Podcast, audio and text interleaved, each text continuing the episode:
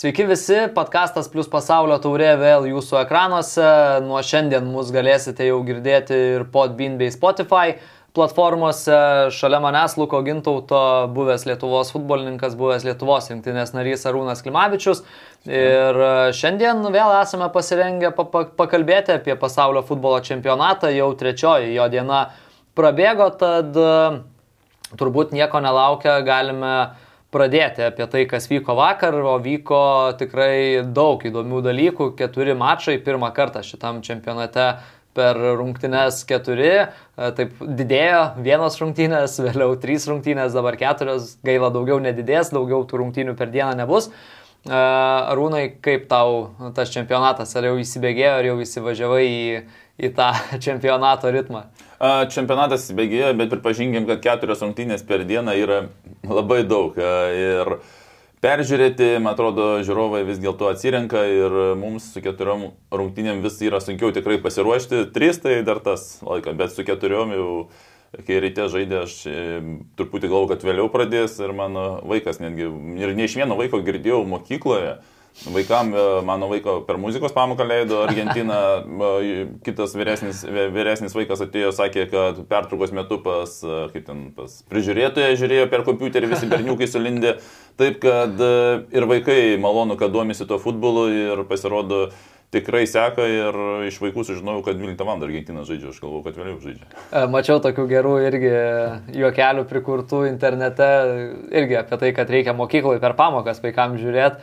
Tai kur jau pareina vaikas, tipo 90 minučių toletę prabuvęs, kad pažiūrėtų futbolą į pamoką. Tai jo, šiaip tie laikai reikia prie to pripras, bet reikia nepamiršti, kad kitas pasaulio čempionatas iš vis Amerikoje, Meksikoje, tai ten tie laikai bus dar nepatogesni turbūt europiečiam. Tai tokia Pabiškiai. Po, po, po truputėlį, jo, tokia įžangėlė.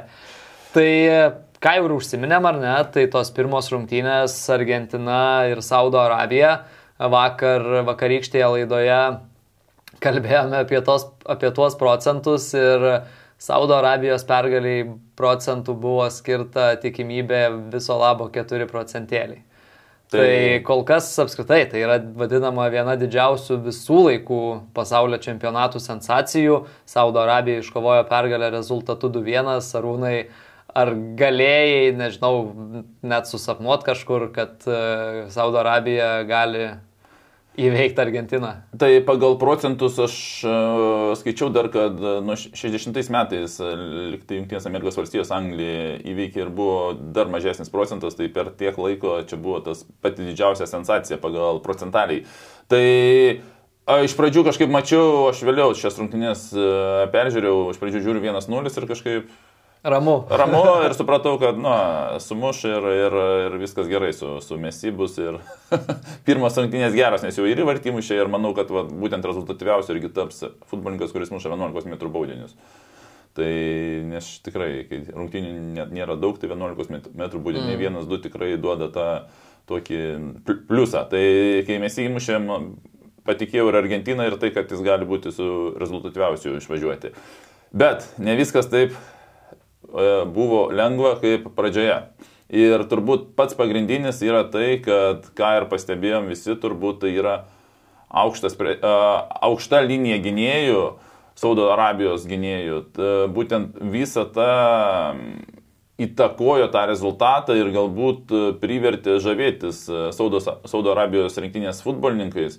Ir Lukai, tu vakar manęs klausė apie, kaip ten buvo, apie, apie presingą. Aš pasakojau, kad treneriai neleidžia uh, daryti nuošalių, teisingai, o nes per, jo, dirbtinių nuošalių, o pirmame kelnyje buvo 7 nuošalės, 3 atšaukti įvarčiai.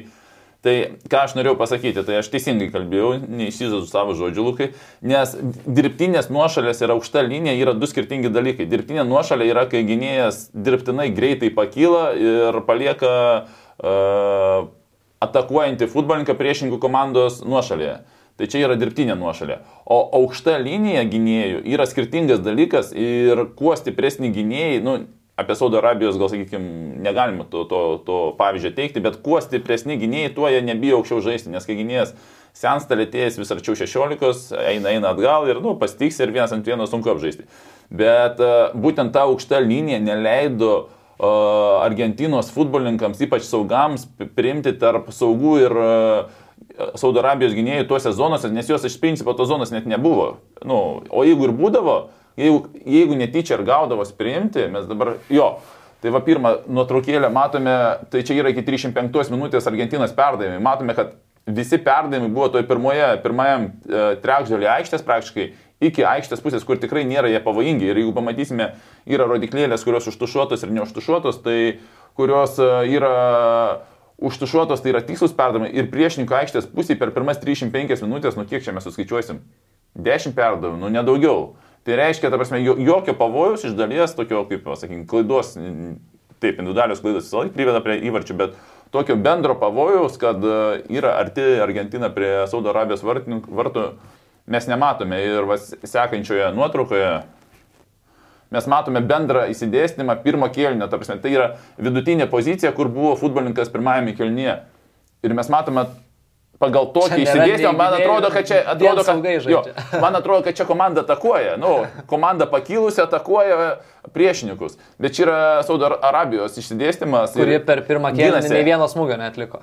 Teisingai, taip. Tai yra komanda tiek arti centro linijos gynėjai buvo, tai čia yra vidutinė pozicija pirmą kėlinį, tikrai labai informatyvi nuotrauka, labai va, tokios uh, nuotraukos ir statistika yra labai įdomu, nes tu supranti, kad tu kažką matai aikštėje, bet po to, kai pradedi analizuoti, dar patvirtina duomenis, tai tada sutampa du ir vaizdas, ir duomenis, ir tada, na, nu, kažkaip Tada taip ir turi būti. Ir vaizdas turi sutapti ir duomenys. Ir dar kartą parodo, kad va tą, ką mes kalbam, ką, nusakykime, ir pastebėjo, duomenys tą rodo, kad teisingai mes kalbame, kad tai buvo tikrai labai labai aukštai pakelta gynėjų linija. Lažybos, lažybos, lažybos, optibet. Dalyvavimas azartiniuose lošimuose gali sukelti priklausomybę. Dar aš norėčiau grįžti prie šitos nuotraukos. Matome, ar net tame pirmame Argentinos aikštės pusėje, tame trečdalyje yra didžioji dalis tų perdavimų. Šiaip esame įpratę, jeigu ta gynybos linija yra žemiau ar ne, tai tie perdavimai, kurie jau yra vertikalūs į varžovo aikštės pusę, dažniausiai yra iš uh, jau varžovo aikštės pusėje link baudos aikštelės, ar ne, Rūnai? Taip, ir, ir Argentina irgi bandė tuos, sakykime, ilgesnius perdavimus, nes ir mes įmatru apie spaudos konferencijoje paminėjo, kad kai yra aukštai... Paminėjo, kad mes mirė. mes mirė ir kad irgi bandė kaip ir išvesti į kraštus Dimariją, sakykime, ten buvo ir kamalį stabdė vieną kartą. Taip kad ne, ne viskas pavykdavo tikrai, nes tu kaip įpratę žaisti žemais perdavimais ir netiki, kad nesiuoši, kad reiks ilgais žaisti į zoną. Labai sunku persiorientuoti ir kitas dalykas, tu galvoji, mes gerai Argentiną, mes galim išstumdyti žemais perdavimais, mes nesiuošiam čia ilgais perdavimais žaisti, čia ne mūsų stilius. Ir tu, tu žiūri, nesigauna, nesigauna, bet tu vis tiek tiki, nes mes Argentina esame, mes turime mesi. Ir tu bandai, bandai, bet Saudo Arabija puikiai, netgi presingavo, mes jį visą laiką arčiau būdavo prie jo, kaip jis gaudavo, nebijodavo išeiti, nebijodavo presinguoti, neduodavo jam laiko pagalvoti. Ir ten įprastai ne vienas e, Saudo Arabijos gynėjas prie mes iškart prišokdavo. Tai, o dėl ko ne vienas? Dėl to, kad kaip visi aukštai, aplink 10 metrų perimetrą, sakykime, bus vienas, du futbolininkai. Mm. Nu, va, tokiam apskritimė. Nes kaip zonos didelės, tai tu liksi su mesi vienas prieš vieną, bet kai tavo visi arti prisispaudė, tau komandos draugas jau netoli yra. Jeigu jis metas mes į dešinę, komandos draugas čia, komandos draugas iš kairės, iš dešinės, o kai zonos didelės, gynėjai atsitraukia, tai tu lieki vienas prieš vienas prieš mes ir žinai, kad nu, šansų prieš jį nėra vienas prieš vieną. Uh, užsiminėm apie tas nuošalės ar ne, tai dešimt kartų Argentinos žaidėjai per visą mačą buvo nuošalėse.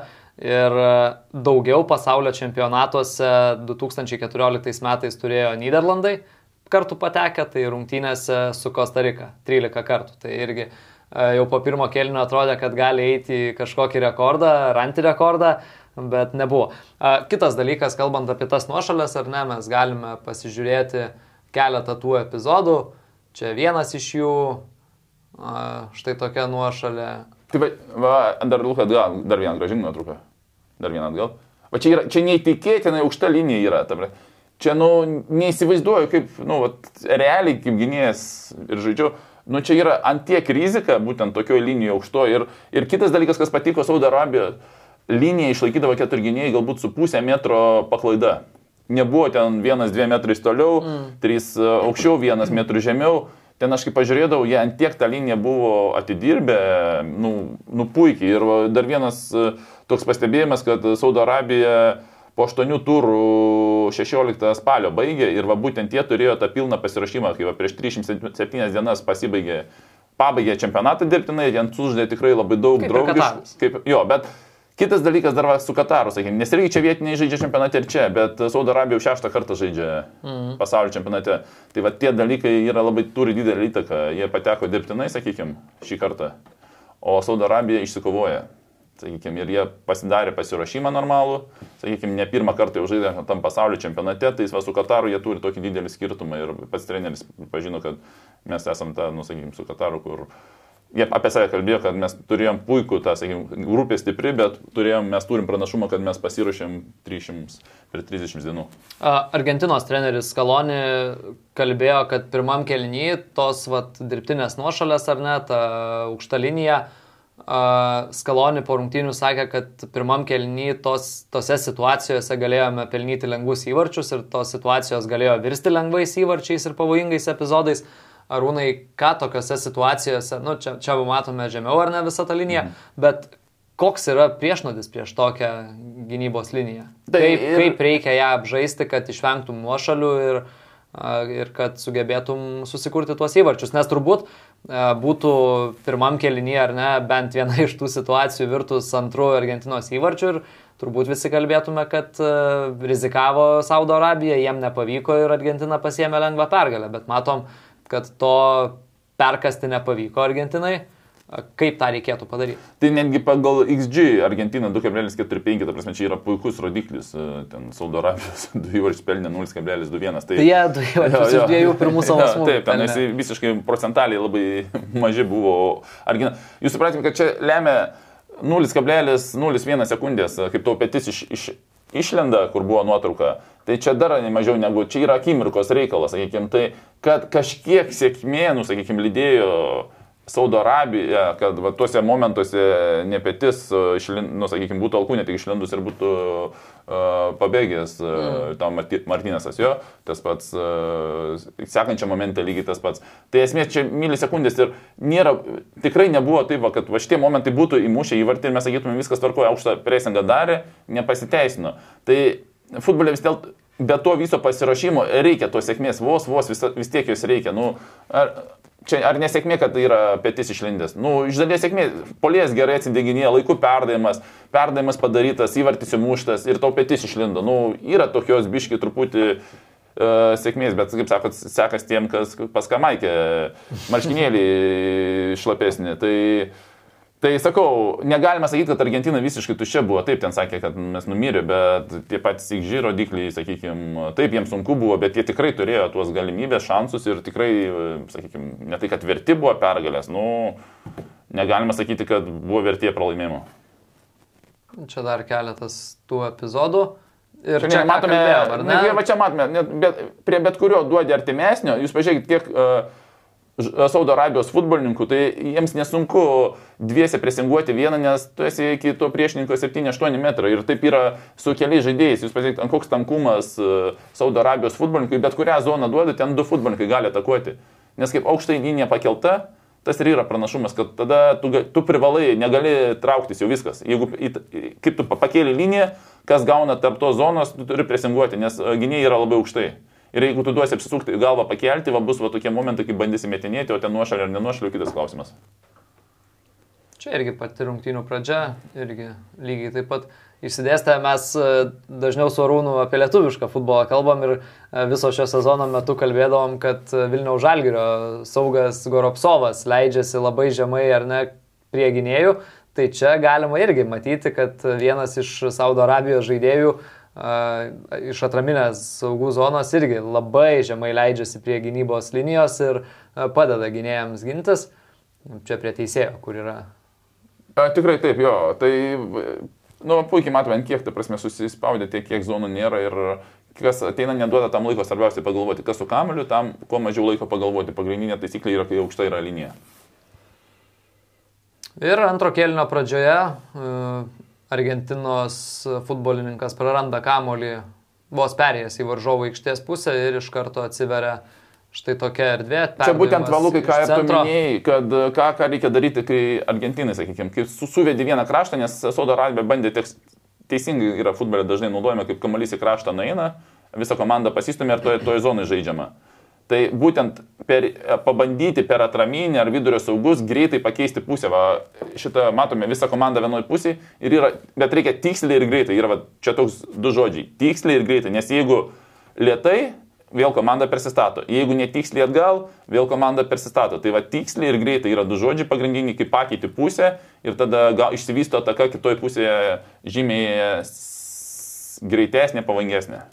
A, tai Tai tokie turbūt tie epizodai, ten apie antrą Saudo Arabijos įvartį nelabai yra ką analizuoti, fantastiškai susitvarkė kamolį, Saudo Arabijos žaidėjas puikiai pataikė į tolimą vartų kampą ir taip sugebėjo nutraukti Arabiją.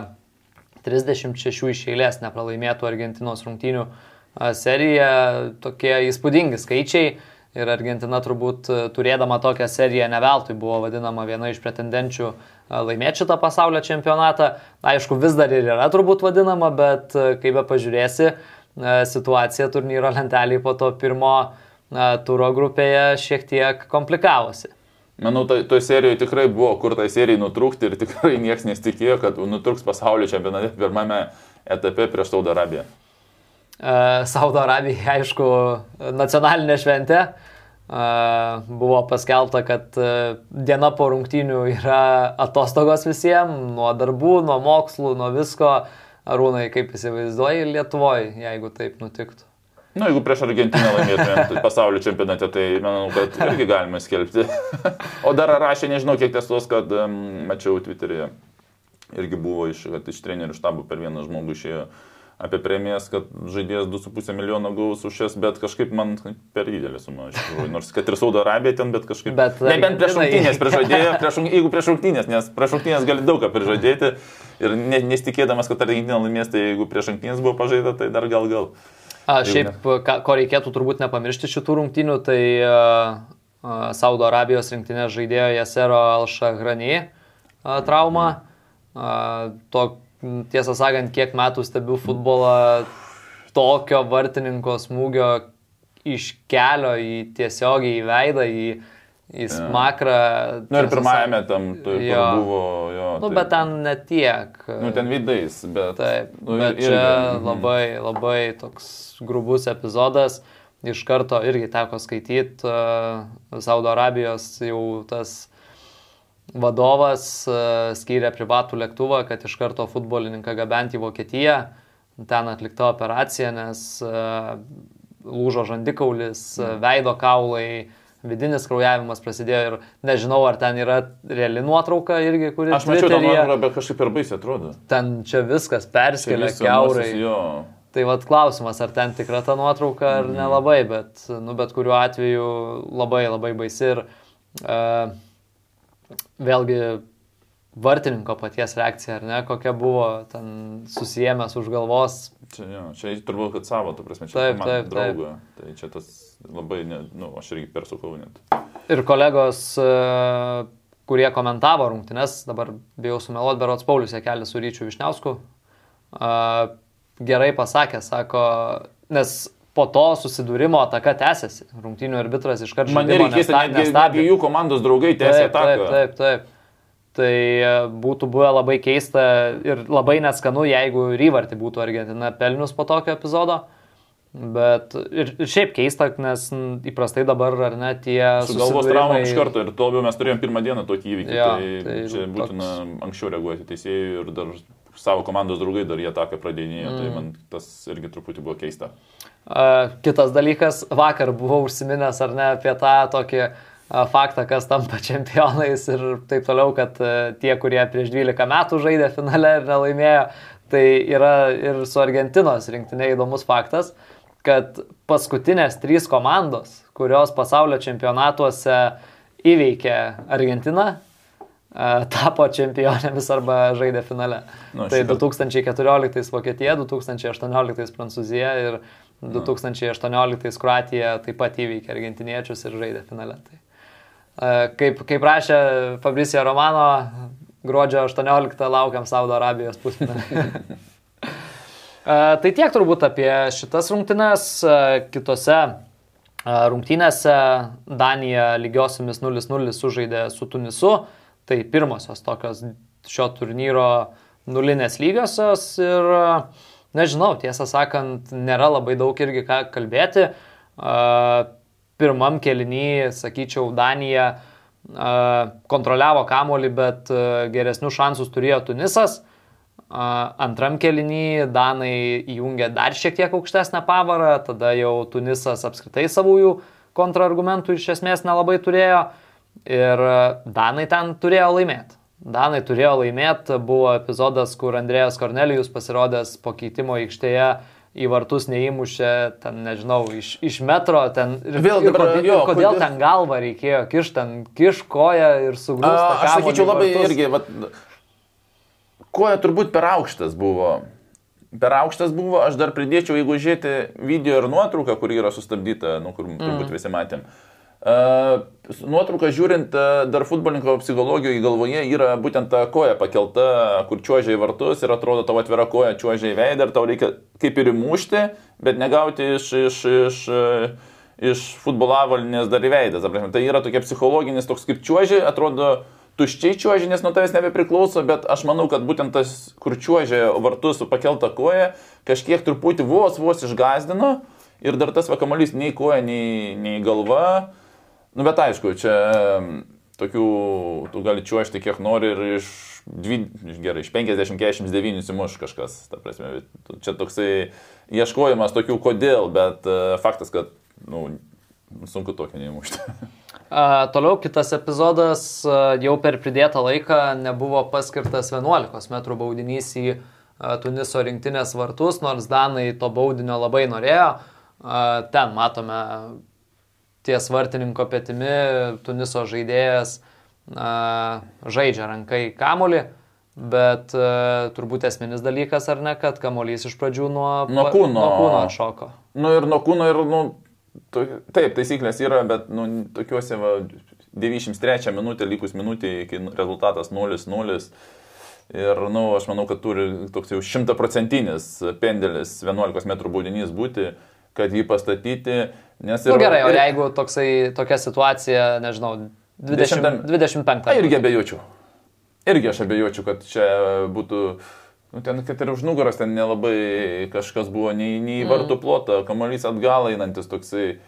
Aš kažkaip, su, yra tų, futbole yra tikrai tų sunkių situacijų ir apie 11 m baudinius ir, ir tas, ir kaip čia kartais reikia tą nu, bendrą galbūt irgi logiką įjungti galvą ir ne vien tą sausą punktą žiūrėti. Taip, su nuošalėm aš manau, kad yra tokių mančių, kad ten ar galvos vos reikėjo atleisti apie, sakykime, bet tai iki kurios iki kurio centimetro atleisim, kokia ten paklaida gali būti. Mm. Tai ta paklaida pasislenka, tada vėl nuo tos paklaidos vėl mes paklaidos ieškosim, ta prasme, su tom nuošalėm jau aiškiau, sakykime, o čia kai kur reikia ir, sakykime, galvą jungti, nes tos tie pirmi, pirmi turai, po to ir Meksika, Lenkija 0-0, 0-0. Su, vat kaip tos vat komandos jos sužaidžia ir išsisaugo šansus antram turui, nes mm. pralošti pirmajame ture yra labai labai brangu. O sužaidė ilgiau su panašia komanda, išsisaugo šansus antram, kaip tas visi, kaip sakyti, dar gyvena nepralošimo nuotaikom, tokiom viltimi išeiti į tą, todėl tos lygiosios, jos va tokios ir logiškos, ir nieko blogo, sakykime, tom komandom dar neturinčios. Danijos treneris Julmanas išskyrė irgi priežastis, kodėl nepavyko pralaužti tos Tuniso gynybos ir pagrindinė priežastis, pasak jo, tai buvo per lėtas žaidimas. Bet antram kelnyje jau, sakyčiau, buvo šiek tiek geresnė situacija, bet kaip matom, vis tiek to nepakako. Tai apskritai vakar turbūt tos, ar ne, Azijos, Arabijos komandos, Afrikos komandos tikrai paliko tokį neprastą įspūdį. Saudo Arabija, Tunisas, Tunisas gerai. pakankamai tikrai, jo. solidžiai prieš tikrai pajėgę Danijos rinktinę, kuri žaidė Europos čempionato pusfinalyje. Tai matome, kad Tikrai ne, taip. ne, tik, ne tik e, europiečiai, ne, ir Pietų Amerikos atstovai gali tą futbolą žaisti, kad ir kokį toną užstatė e, Kataras.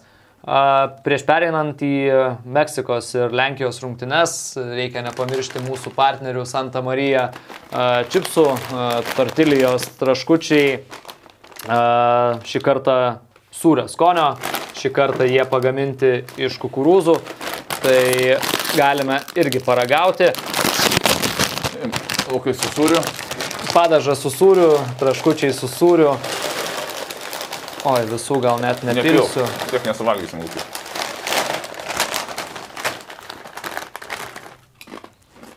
A, Trečiosios vakarykštės rungtynės - Meksika, Lenkija 0-0 ir tiesą sakant, bent jau mane asmeniškai šiek tiek nuvylė.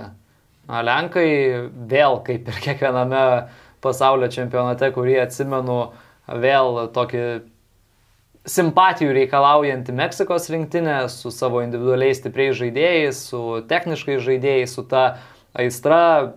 Didžiulį įspūdį paliko Meksikos fanai, sakyčiau, kol kas uh, šitam pasaulio čempionate, na, galbūt po Tuniso gerbėjų, kurie irgi buvo labai garsus. Tai Tunisas dėl to, kad jie yra labai draugiška su Kataru šalis, mm. jie ten geriausi draugai ir, ir ekonominiais ryšiais, ir padėjo jie ten iš, iš nedarbo daug dirba Katarė, taip kad čia buvo broliškos šalis, dėl to viena iš priežasčių buvo Tuniso ir Senegalo buvo, kurie apmokami yra fanai. Minėta, tai Meksikos aistruoliai irgi nežinau, ar tai yra tiksli informacija, bet e, įvairių pranešimų duomenimis 90 procentų stadione buvusių žmonių buvo Meksikos rinktinės gerbėjai, tai jeigu tai yra tiesa, tai yra įspūdinga. Aš manau, kad tiesa, nes e, atsiminkė, nu, Meksikoje ant kiek yra populiarus futbolas ir apie uh, Junktinės Amerikos valstijas pasakoju, ant kiek, ta prasme, tų meksikiečių yra daug visur ir uh, futbolas yra numeris vienas ir dėl to manęs tikrai nestebina. Turėjo savųjų šansų Meksika ir irgi daug, daugelį pranešimų daugelis ekspertų sutarė, kad Meksika buvo vertesnė pergalės, bet vėlgi arčiau jos ir geriausią savo šansą pelnyti įvartį turėjo Lenkija. Robertas Lewandowskis stojo mušti 11 m baudinio ir jo neįmušė. Eilinį kartą Očioja, kuris atrodo tuose pasaulio čempionatuose įgyjęs sparnus, eilinį kartą sugebėjo atremti 11 m baudinį. Robertui Lewandowskiui ir toliau pasaulio čempionatuose niekaip nepavyksta pasižymėti. 11 jo smūgis pasaulio čempionatų istorijoje ir kol kas nėra pelnęs nei vieno įvarčio. Robertas Lewandowskis, Arūnai, kaip tau tos rungtynės, kaip tau Meksikos pasirodymas ir ar Lenkai dar turi ką pasiūlyti šitam čempionate? Jo, su Lenkais tikrai yra kažkaip sunku ir va, tas klausimas, ta prasme, taip, išeina į pasaulio čempionatą, bet ar jie yra pajėgus išeiti iš grupės, tai klausimas labai didelis ir žiūrėti bendrai, jeigu neimkim to Roberto Lewandowskio, tai kiti, sakykime, tie klubai, kur žaidžia futbolininkai, nėra tie, kur, sakykime, kad mes statytumėm ant jų, kad jie gali išeiti iš grupės. Ir apie rungtynės tu tikrai pakankamai daug pasakėjai, aš tik taip pa, turbūt uh, nustebino mane Roberto Lewandowskio 11 m baudinys. Uh, tai yra geriausiai aukščiausiose lygose mušantis futbolininkas 11 e, m baudinius. Jis lenkia į pasiprocentus apie 92, tai neklistų. Kai tuo tarpu Messi 75, apie kažkur apie Ronaldo dar truputį mažesnis buvo, bent jau anksčiau aš mačiau tuos duomenis. Uh, ir uh, prieš mušant uh, vėl matome, kaip būna parodyta, kas kur, taškai, kur muša Robertas. Mm. Ir iš, iš paskutinių 12 jis 11, uh, 11 buvo mušęs. Tai tuos procentus atitinka apie 92 procentus muša jisai sėkmingai, tai iš 19. Ir kampai e, jis muša ten, visą laiką muždavo. Į priešingą kampą, kur krenta vartininkas. Tai va, kur jeigu var, muštas čia, tai reiškia vartininkas buvo čia, jeigu vartininkas krenta čia, tai jo smūgių Jisai e, žiūri, yra du mušimo būdai futbole, kai tu pasirenki kampą ir žiūri vartininką.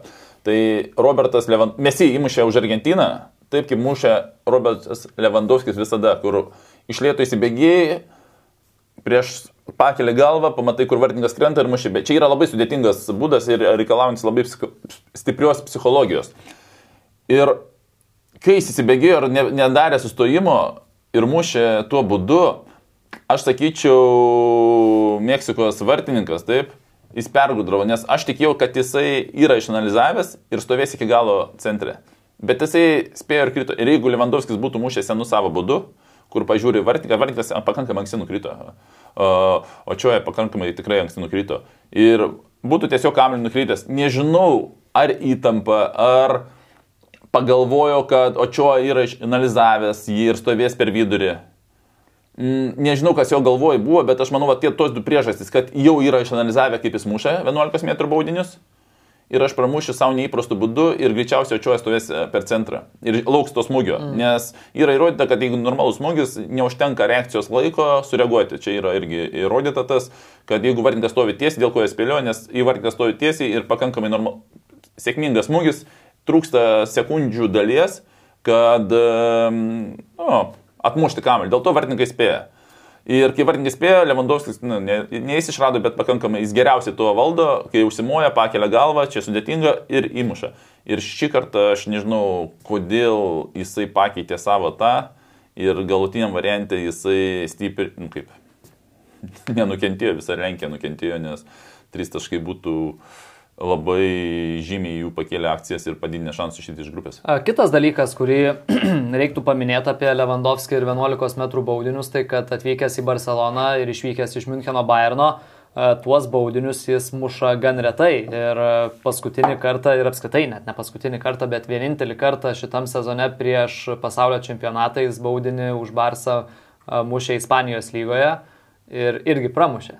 Tai 2022-2023 sezone kol kas Lewandowskis muša 0 procentų.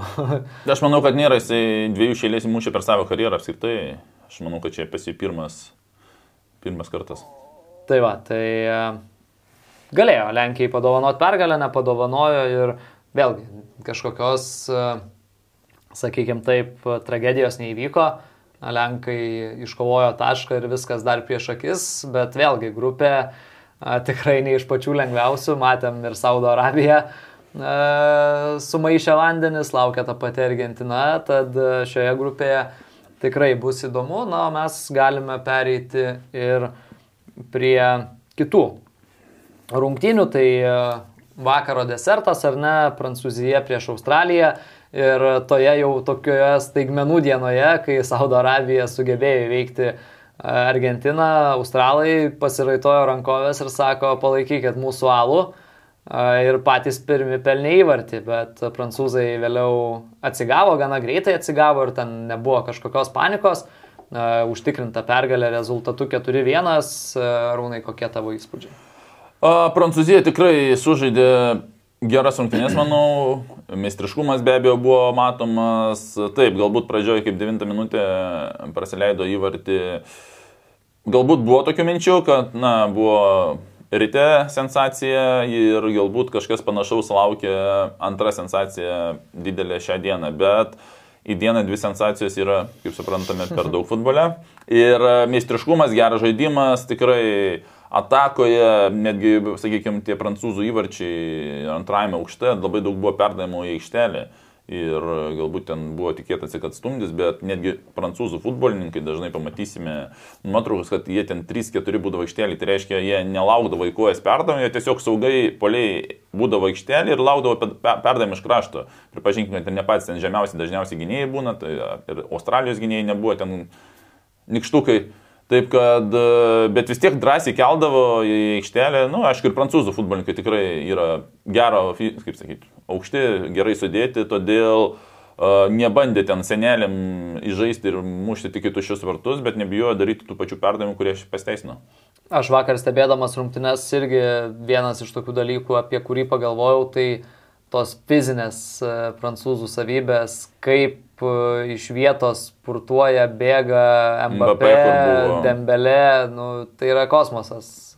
Jau mes matome, ar ne, čempionų lygoje juos bėgančius ir lenkiančius tuos topinius gynėjus, bet čia, kai teko susitikti su dar šiek tiek žemesnio lygio tais gynėjais, tai iš viso tas skirtumas tarp jų atrodė, ne, nežinau. Tai Mbappé apsiveda, susistabdo, atgal palaukia gynėjo vėl, nu, kur buvo antrajam kelniui iš kairės pusės. Ta prasme, apsiveda, nu, gal eiti, palaukia, tiesiog žino, kad atbėgęs dar kartą apvėsiu. Ta prasme, kiek norėtų jis būtų kartu apvedęs, nes su, su driblingu tiesiog su nuėjimu į kairę pusę jisai pasi, ir gautiniam variantė ten ir perdavimą į aikštelę padarė, bet esmė, kad tu nebijai palaukia gynėjo, nu čia toksai kaip truputį apvedį, palaukia, atėjo, dar kartą apvedį nu, gynėjas atsivėja, supranta, kad vėl turbūt apves mane.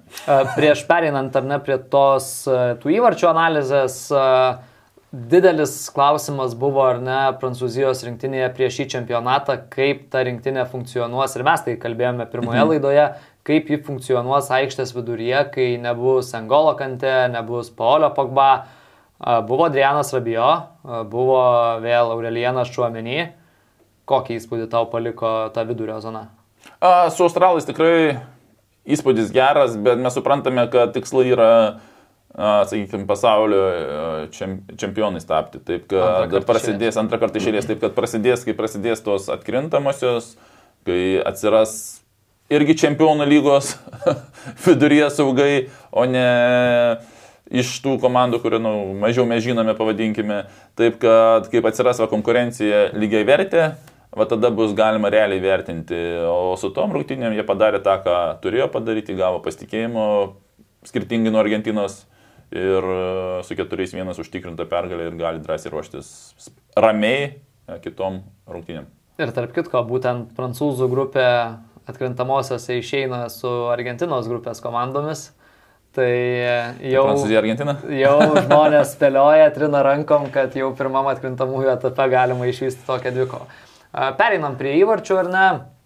Ir pirmoji situacija, rungtynių pradžia, Australijos ataka, perdavimas ten iš gilumos, kur paskutiniai atakuojantis prancūzų futbolininkai, perdavimas į dešinį kraštą ir ten puikiai susitvarkęs kamuolį Australas, suklaidinęs Luką Hernandezą, kuriam toje situacijoje būtent to klaidinamo judesio metu nuplyšo raiščiai.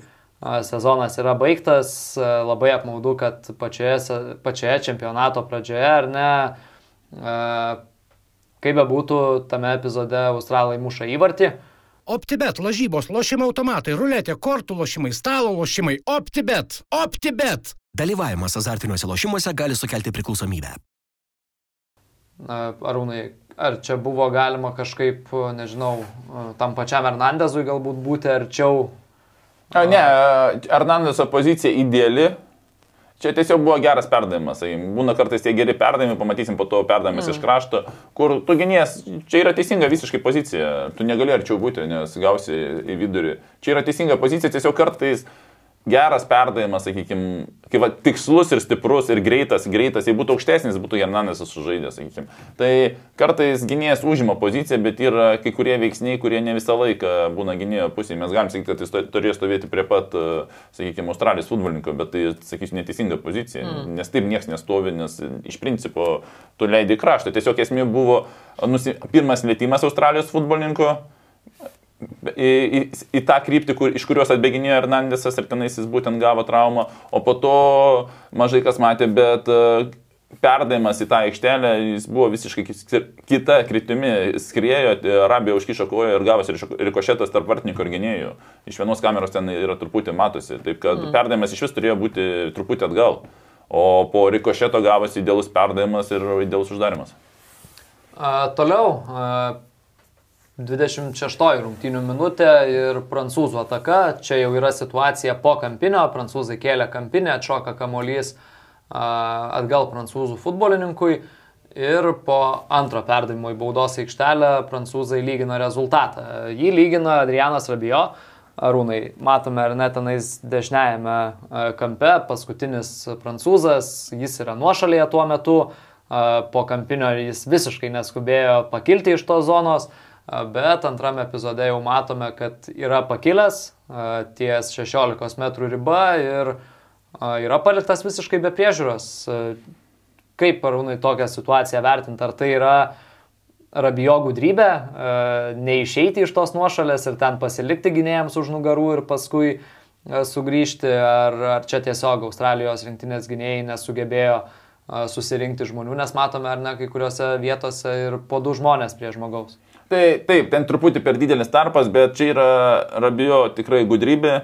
Yra, kai kamuolys neparuoštas, tu, tau yra geriau būti tuo metu nuošalės pozicijoje, nes kai tu išeini prieš gynėjus, gynėjas tave mato, nu aš įsivaizduojam gynėjas, tu esi mm. luka atakuojantis, aš tave matau eina perdavimas iš krašto ir aš tave matau, nes jeigu tu per anksti išbėgai, atbėgai prieš mane, atsistoji, nu aš korpusą sužaisiu, ar tau reiks kažkur statuoti, ieškos pozicijos. Bet kai, kaip, kaip kamuolys būna dar neparuoštas ir tu stovi už nugaros, aš, tai, aš žiūriu realiai į kamuolį. O tu stovi už nugaros ir aš, nu, tu gali į kairę nueiti, į dešinę, kurią nori poziciją gali nueiti. Bet kamuolys dar neparuoštas. Ir tik kaip kamuolys jau paruoštas, matai, kad sekančių lėtymų bus atliekamas perdavimas, tu išeini iš, iš nuošalės į mano liniją mm. už nugaros. Ir kaip perdavimo metu aš jau ne, nebėra, aš nebeturiu laiko tiesiog uh, užimti poziciją. Aš galiu galbūt galvą pasukti, pažiūrėti, kad tu esi už nugaros. Bet aš, matydamas prieš tave, tu man palengvini situaciją, o, o Arabijo būdamas nuošaliais, ta prasme, visi gynėjai jau išeidinėja, mato kamolį ir tikrai visi žino, kad kaip ir turėtų būti tarpai tarp kokie 2 metrai, sakykime, 3. Bet matome, kad tarpas yra žymiai didesnis ir būtent į tą tarpą Arabijo ir išėjo, jis logiškai išėjo tą tarpą. Ir, ir, ir puikus perdavimas, tų perdavimų iš kraštų buvo pilna, puikių šiose, tose rungtynėse ir buvo pelnytas įvartis.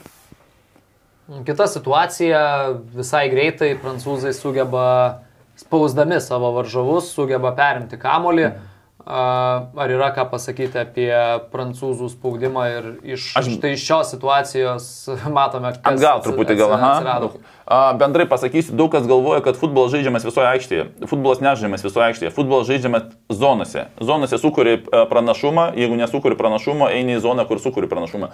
Čia yra žaidžiamas dabar na, nu, sakykime, ne ketvirtadalį aikštės, truputį mažiau aikštės, ketvirtadalį futbol, futbolas žaidžiamas penki prancūzai prieš tris australus. A, čia ir, dar nesimato. Ir mato, žinau, žinau, jie to verčiau, taip, taip, taip, taip, teisingai, taip, taip, yra gynėjas dar centrinis. Nu, bet šioje zonoje netgi MBP truputį yra perdengęs iš dalies tą mm. uh, centrinį gynėjas. Klausimas, ar jis visiškai dalyvauja, jis gali ma maksimum į liniją atšokti ir bus atsilošta ir, ir išmušti, ką dažnai daro, sakykime, gynėjas gauna kraštinis, atšokia į liniją, ką prašo treneriai ir išmušti. Tai va, dabar žaidžia penki, nu, imkim gerai, keturi australai prieš penkis. Tai viskas pranaš, čia ir sukūrė prancūzai pranašumą pranašumą. Šioje zonoje jie turi pranašumą ir dabar australų tikslas išeiti į kitą aikštės pusę, žaisti kitoje zonoje, kur greičiausiai bus kraštinis saugas, kraštinis gynėjas kur ir jų vienas, kur australai turėtų pranašumą. Tai va, futbolas nežamas visoje aikštėje, dabar žaidžiama toj zonui. Toj zonui, kadangi yra arti australų vartų, kamuolys bus perimtas ir automatiškai žaidėjai apsisuka ir jau pranašumas, nu, va, jau grįžta kraštinis gynėjas, centrinis pasidavė, traminis grįžta. Ir e, jau čia meistriškumo klausimas, bet uh, futbolas žaidžiamas ne, vis, ne, ne visoje aikštėje, žaidžiamas tik, tam tikrose zonose, bandama susikurti pranašumą, kaip pasakojo apie Argentiną, kai spaudžia tave vienoje pusėje Saudo Arabijos daugiau futbolininkų, tikslas greitai ir tiksliai išėti į kitą pusę, kur tavo pranašumas yra, nes toj, pusė, toj aikštės pusėje yra daugiau Saudo Arabijos futbolininkų, kitoje pusėje argentiniečių. Tai va tikslas pereiti tą zoną, kur yra tavo pranašumas. Jo, tai čia Olivier Žiūrų pelnė įvartį, susilygino Prancūzijos rinktinėje visų laikų rezultatyviausių žaidėjų sąraše su Thierry Henry. Šiaip įspūdingai, skamba 51 įvartis. Ir dar per save galėjo mušti. Ir per save galėjo mušti, bet kalbame apie žmogų, kuris nėra žaidęs nei vienoje jaunimo rinktinėje Prancūzijoje, nėra žaidęs nacionalinėje rinktinėje iki 25 metų ir tik 25 metų apskritai išvažiavęs į kažkokį garsesnį Europos klubą tai Londono arsenalą. Tai iš ties uh, įspūdingi. Nežinau, mano žmona Terry Henry ir, e, ir Žirų, žinot, du, du futbolininkus, ta prasme, aš sakau, iš kur tas Žirų? Prieš vieną teko žaisti. žaisti jo, jo. O sakau, iš kur tas Žirų? Iš Kuosinas gal nežinau. antrasis kelinys ir trečiasis uh, Prancūzijos rinktinės įvartis, matome perdavimas iš krašto ir įvarčio autorius dešimtasis Prancūzijos numeris Kilianas Mbappé. Iš pažiūros atrodo Kaip? Kodėl? Tai va, kaip ir minėjau, aš neturiu ko prisikabinti prie galbūt centro vidury gynėstas, kur aukštas yra truputį arčiau, bet ir tais būtų nepadėjęs. Realiai pirmas žmogus kontroliuoja pirmą ir uh, MBP, jis mato per, nu, per pusę metro, per 40 cm. Tai yra pakankamai gera pozicija, nes ne, tu vienoje linijoje negali stovėti, nes jis pirmas išlis. Visą laiką gynėjas stovės arčiau paduodančiosios pusės, sakykime, kad. O už nugaros, sakykime, turi ten kokį pusę metro, ten 20 cm tašką, kur laimi polėje, sakykime, bet daugiau visi taškai ne jo yra. Tai čia tokio labai prikipti prie gynėjo, aš neturiu ko prikipti iš tikrųjų. Čia yra puikus perdavimas. Ir yra vis tiek, kaip gynėjas prieki, tu atšoki atgal, bus vis tiek tas taškas, kuriam tu laimėsi. Bet tas taškas yra tik tai kokiam 20-30 cm spinduliu, kur kamuolys turi pataikyti. Tai va čia ir pataikė, nes viskas, kas arčiau būtų gynėjai, viskas, kas 20 cm aukščiau būtų sekantis gynėjai. Tai čia prie gynėjų jų daugiau yra, viskas tvarkingai, nu, tiesiog mistriškumas, kaip ir minėjau prieš rungtynės. Tai tiek apie tuos įvarčius, tokia buvo ta trečioji pasaulio čempionato diena. Rūnai, gal paklausiu tavęs taip, kas kol kas per tas tris dienas paliko geriausią įspūdį visam pasaulio čempionate? Mm, kas geriausiai, kas geriausia. Aš manyčiau, kad tikrai prancūzai su užtikrintų futbolu uh, užtikrintai laimėjo ir tikrai turi pasitikėjimą. Be abejo, kai Anglai apžaidė, uh, laimėjo 6-2 prieš Iraną, Anglai irgi, irgi toje, sakyčiau, grupėje, tai kol kas, manau, Anglai ir Prancūzai yra tie, kur, sakykime, iš jų laukia, nes matome, kad Argentina irgi laukia, bet, nu, būna tokių dienų, tai tai, kad laukia ne visą laiką sutampa, bet va tos dvi šalis pakankamai tikrai pradžią turi gerą. Na ir prieš pabaigiant e, galima trumpai pristatyti, kas mūsų laukia šiandien. Tai jau visai netrukus prasideda rungtynės tarp Maroko ir Kroatijos. Tai yra F grupės rungtynės. E, Kroatija yra ant mano kūno neveltui su Luka Modričiaus e, pavardę. Kroatijos tikimybė laimėti yra 45 procentai, Maroko 25 ir lygiosios 30 procentų. Toliau E grupėje Vokietija ir 66 procentai tikimybė jai laimėti prieš Japoniją, kuriai yra skiriama 14 procentų tikimybė ir lygiosios 20 procentų. Toliau toje pačioje E grupėje, kuri vėlgi laukiamas turbūt mūšis tarp Vokietijos ir Ispanijos labiausiai. Ispanai žaidžia su Kosta Rika, Ispanų pergalė čia niekas nebejoja, 80 procentų tikimybė, Kosta Rikai skiriami šiek tiek daugiau procentų nei buvo skiriama Saudo Arabijai, tai yra 6 procentai ir už lygiasias 14. Na ir toje jau mūsų irgi minėtoje grupėje Belgija susitinka su Kanada, 62 procentai už belgus, 16 procentų už Kanadą, už lygiasias 22 procentai tikimybė, kad taip gali baigtis rungtynės, tokios yra lažybininkų prognozijas, arūnai, ko pats galbūt laukia iš šios dienos rungtynių, kas turėtų būti įdomiausia, į ką reikėtų atkreipti dėmesį mūsų, mūsų ir viso pasaulio čempionato žiūrovams. Ką, ką, ką laukiu, sakykime, vis, visą laiką norisi įdomesnių rungtynių. Aš suprantu, kad pirmame, pirmuose turuose tikrai yra labai daug įtampos ir nu, tie pirmi turai, kaip sakau, neturi komanda pralošti. Nesinori pralošti jau geriau lygiosios, neįdomios, bet mums kaip žiūrovams turbūt norisi ir 3-2 rezultatų, ir 2-1, taip kad sakykime, norisi tokių, ypač Europos čempionatė, kiek buvo tokių rungtinių, kur, na, tokių wow, ne? Tai aš suprantu, kad dabar dar grupė, jų tų rungtinių tikrai bus, bet va norisi, kad tuose, sakykime, būtų tos dienos eigoje